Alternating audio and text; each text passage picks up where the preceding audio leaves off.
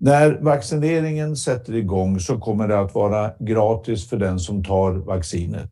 Sverige ska vara redo att sätta igång så fort vaccinet eller vaccinen kommer till landet. För att försäkra oss om bra och säkra vaccin så deltar vi i flera avtal med många utvecklare och den kostnaden tar vi. Det ska ses som en försäkring.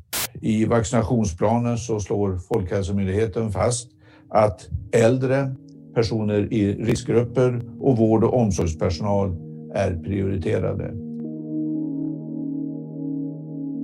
När kommer vaccinet? Och när kan vi få ta det? Två frågor som majoriteten av jordens befolkning just nu vill ha svar på. Det vi vet är att tidpunkten närmar sig. Sveriges nationella vaccinsamordnare har talat om januari som en tänkbar start för vaccinering i vårt land. Men när det gäller hur och var det ska utföras är det regionerna som har ansvaret för den både komplicerade och omfattande proceduren. Så hur förbereder de sig och vilka är de största utmaningarna? Detta ska vi prata om i dagens Aftonbladet Daily. Och vi gör det med Inger Nordin Olsson som är regional vaccinationssamordnare i Region Örebro. Hon har kallat den kommande covid-vaccinationen för ett gigantiskt uppdrag. Nu får hon förklara varför. Ja, jag menar med det att det, det är stort i omfattning och över tid och berör så många människor. Både invånare i Sverige och i våra regioner och så många medarbetare som ska utföra arbetet. Mm. Och hur förbereder ni er nu då? Eh, du säger att det är många människor, det är eh, en, en stor apparat. Hur mm. kan ni förbereda er för det här? Ja, man måste göra avsats eh, någonstans. Eh, jag fick uppdraget i oktober och vi har haft eh, brainstorm. Jag har etablerat en styrgrupp, suveräna medarbetare och stort engagemang i regionen. Och utifrån det så har vi lagt en plan eh, där vi kände att vi måste välja väg. Vi kan inte bara fundera när och var och hur. Vi måste bygga en struktur och vi har valt att satsa nu på större externa lokaler, vaccinationsnoder, att rekrytera personal eh, via intresseanmälan och externt och sedan ha en säker och bra kedja för allt vaccin som kommer så att vi kan ta vara på alla doser. Vi har tagit höjd, köpt in frysar som ska levereras vecka 50 och säkrat eh, leveranskedjan. Så vi väntade inte på vil- mera på vilket vaccin, vi tog höjd där. Man måste välja väg och likadant för att få ett bra flöde till medborgarna att de ska kunna bli vaccinerade så etablerar vi externa lokaler. Och vården är så pressad att vi kände att covidvården kommer att behöva fortgå. Det finns en vårdskuld. Det här måste vi hantera tillsammans så bra vi någonsin kan i, i en annan väg. Men när du säger välja väg, vad menar ja. du då egentligen? Vad händer om ni väljer fel väg? Ja, eh, att välja väg innebär att man måste bestämma sig och inte bara vänta. För det kommer nya bud varje vecka om hållbarhet, om leveranser, om föreskrifter och hur man ska göra. Man måste satsa på en grundstruktur. Och, och, det har vi gjort. Vi såg inte att vi kan vänta och tänka, kan vi genomföra det här med, med små transporter på små enheter? Vi behöver ha ett, ett flöde som vi ser att vi både kan ha dragspelseffekt i att öka när vi får mycket vaccin, dra ner när vi får lite mindre. Och vi är flera som var med under svininfluensan. Som, är, vi är skolade i ödmjukhet. Vissa dagar kom det nästan ingenting. Andra dagar kom det jättemycket och då gäller det att kunna utnyttja det här. Så stora lokaler, rymligt, flera vaccinationsbås och ett effektivt flöde med tidsbokning. Vi har valt den vägen. Och vilka är de största utmaningarna ser du framför dig? Ja, eh, det är två saker och det är ju då distributionen. Vilket vaccin får vi och när och hur många doser? Det är den stora frågan. Och sedan kom ju lite mer besked i fredags när Folkhälsomyndighetens prioriteringar eh, eh, släpptes. Vi har ju väntat på den arbetsgruppen. Mycket var klart innan, men här så är de väldigt tydliga med att det är de allra sköraste, mest sjuka äldre på äldreboenden och inom hemsjukvård och det, den personal vi har inom vård och omsorg i kommunerna framför allt. Och sedan kommer de andra grupperna som vi också har, över 70 och vård och omsorgspersonal i stort. Så att det här är prioriteringsfrågan och för att nå ut till de grupperna eller den gruppen som är nämnd först så har vi ju nära samverkan med kommunerna. De kommer att vaccineras personerna inom kommunens försorg medan vi vaccinerar personal.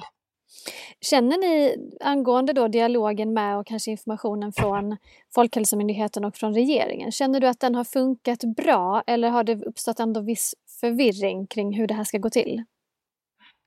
Ja, alltså man har varit väldigt tydlig med i den nationella planen som ligger att det är regionernas ansvar för genomförande. Sen ser ju vi att det här blir stora kostnader eh, och, och, det är ju en sak hur man sedan ska hantera men det blir också olika organisation i regionerna och det kanske är okej beroende på olika geografiska förutsättningar eh, och olika eh, ja, befolkningssammansättningar. Men själva genomförandet och de beskeden från Folkhälsomyndigheten, där skulle vi vilja ha lite till, lite tydligare, lite tidigare runt prioriteringarna. Det här kommer ändå bli svårt. Det ska vara en hälsodeklaration för alla personer som kommer att vaccinera sig. Den vill vi ska vara framtagen. Vi vill veta att den är på gång. Vi har också pratat om vaccinationsintyg för de som vaccinerar sig. De delarna är fortfarande under diskussion och dessutom hur vi kopplar ihop till nationella vaccinationsregistret, den övergången. För registrering och dokumentation är helt avgörande framöver. Men riskerar inte den här typen av detaljfrågor att försena processen? Ja, alltså i det här läget så får ju varje region som också är vårdgivare enligt gällande regelverk lösa det här. Och det gör man ju en ändring i lagstiftningen där man talar om en skyldighet för varje vårdgivare att rapportera eh, vissa givna eh, grunder. Och då blir det ju lite olika lösningar eh, här och beroende på, beroende på vad man har för datajournalprogram, hur man är uppkopplad mot eh, nationella vaccinationsregistret sedan tidigare. Nu eh, pratade du om svininfluensan men nu när vi pratar om eh, covid-19 så är det ju också ett problem att folk vill ju förstås inte köa tillsammans Nej. och man behöver liksom vidta det här avståndet och så. Ser mm. du ett logistiskt problem där? Ja, absolut. Vi kan inte göra som vi gjorde eh, då. Vi hade ju drop-in mottagning. Här blir det tidbokning. Det blir tidbokning, stora lokaler. Vi har flera ställen än vad vi hade då och sedan reglera det hela med tid och rymd inne samt att vi har eh, skyddskläder och värdar som ser till att vi har ett bra flöde genom lokalerna. I Örebro har man ju haft problem med provtagning när det gäller till exempel långa väntetider eh, mm. eh, vad gäller covid. Vad är det som talar för att det här kommer att gå att lösa smidigt då? Ja, eh, provtagningen, den har nog varit problem eh, överallt. Där har, där har man ju kunnat ändå planera och trycket har varit så stort. Det som blir avgörande här är ju om vi får vaccin och det gäller överallt. Vi har, vi har beräknat um, utifrån så många vaccinationsbås vi ska ha öppna, vilket, vilket flöde vi kan ha, men om vi inte får det, då ställs vi inför samma fakta i alla regioner om vi inte får vaccinet. Och hur ska ni lösa personalfrågan? Vem ska se till att alla får sin spruta? Ja, det är ju eh, för det första att ge själva sprutan. Det är ju knutet till legitimationsyrken eller studenter som läser till sköterska, läkare till exempel. Det finns även flera med eh, avklarad behörighet efter vissa terminer. Så att vi bygger det här på ordination om man inte har behörighet att ordinera, administration, det vill säga den som ger sprutan och sen en eh, registration av en registrator. Så vi har delat upp så att vi har eh, flödet och då har vi rekryterat eh, externt. Sen hur länge vi kommer att behöva hålla på, det innebär ju att eh, vi får kanske gå ut igen. när vi kommer framåt sommaren. Men nu har vi ett otroligt genomslag av intresseanmälningar. Mm. Många är ju oroliga och nervösa och kanske frustrerade redan innan vaccinet har kommit för att man är, mm. ja, man är helt enkelt orolig för att tänka tänk om det inte funkar, tänk om jag inte får mitt vaccin. Känner du att det ändå finns fog för den här typen av oro? Man kan absolut vara eh, fundersam och oroad över när och om man får sitt vaccin. Det är ju den stora utmaningen, distributionen. Eh, här. Men de, de, signaler vi har fått det är att vi kommer att få vaccin. Det kommer inte att vara brist på vaccin. Det blir olika sorter.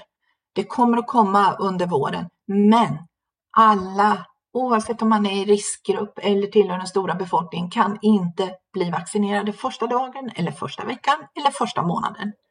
Och dessutom, det som påverkar hela förloppet, det är att det ska vara två doser. Så alla ska tillbaka i den här loopen igen.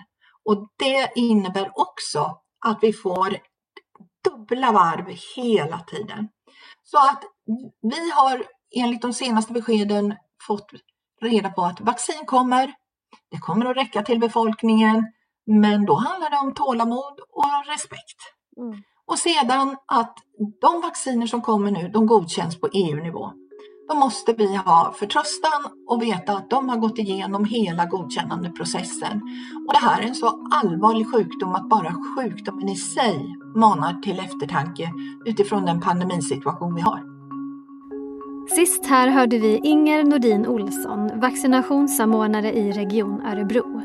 Jag heter Olivia Svensson och du har lyssnat på Aftonbladet Daily. Måndag till fredag släpper vi nya avsnitt och du kan också prenumerera så riskerar du inte att gå miste om ett enda. På återhörande, hejdå!